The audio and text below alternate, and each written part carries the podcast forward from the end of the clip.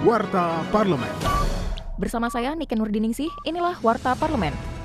Anggota Komisi 10 DPR RI Nuroji menilai kebijakan pemerintah menaikkan tarif tiket Candi Borobudur tidak tepat dan bertolak belakang dengan promosi destinasi wisata. Rencana tersebut diumumkan Menko Maritim dan Investasi Luhut Binsar Panjaitan untuk membatasi pengunjung. Politisi Partai Gerindra itu menjelaskan, pembatasan wisatawan bisa dilakukan dengan membatasi jumlah pengunjung, bergiliran, atau antri. Ia menambahkan, hal lain yang bisa dilakukan yakni menutup area candi pada waktu-waktu tertentu guna perawatan atau pengurangan beban berat candi. Warta Parlemen. Ketua Komisi 2 DPR RI Ahmad Doli Kurnia Tanjung menyampaikan, sanksi bagi CPNS yang mengundurkan diri harus ditegakkan selama hal tersebut tertuang dalam peraturan perundangan. Ia mengatakan para CPNS juga harus bertanggung jawab terhadap pilihannya karena telah melalui proses seleksi yang panjang. Kalau memang itu uh, sudah diatur dalam peraturan perundangan harus ditegakkan.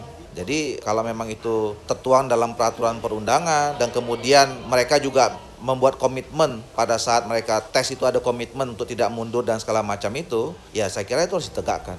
Kinerja Wakil Rakyat dapat Anda simak melalui media sosial DPR RI. Ketua Badan Akuntabilitas Keuangan Negara DPR RI, Wahyu Sanjaya, mengungkapkan adanya temuan berulang terkait pemesanan dan pemusnahan cukai rokok yang menyebabkan ketidaksesuaian pelaporan. Hal itu disampaikannya saat memimpin kunjungan kerja ke Perum Peruri di Karawang baru-baru ini. Mengenai hal tersebut, Wahyu mengimbau untuk memberikan nomor seri pada pita cukai untuk mengamankan cukai rokok agar tidak dipalsukan.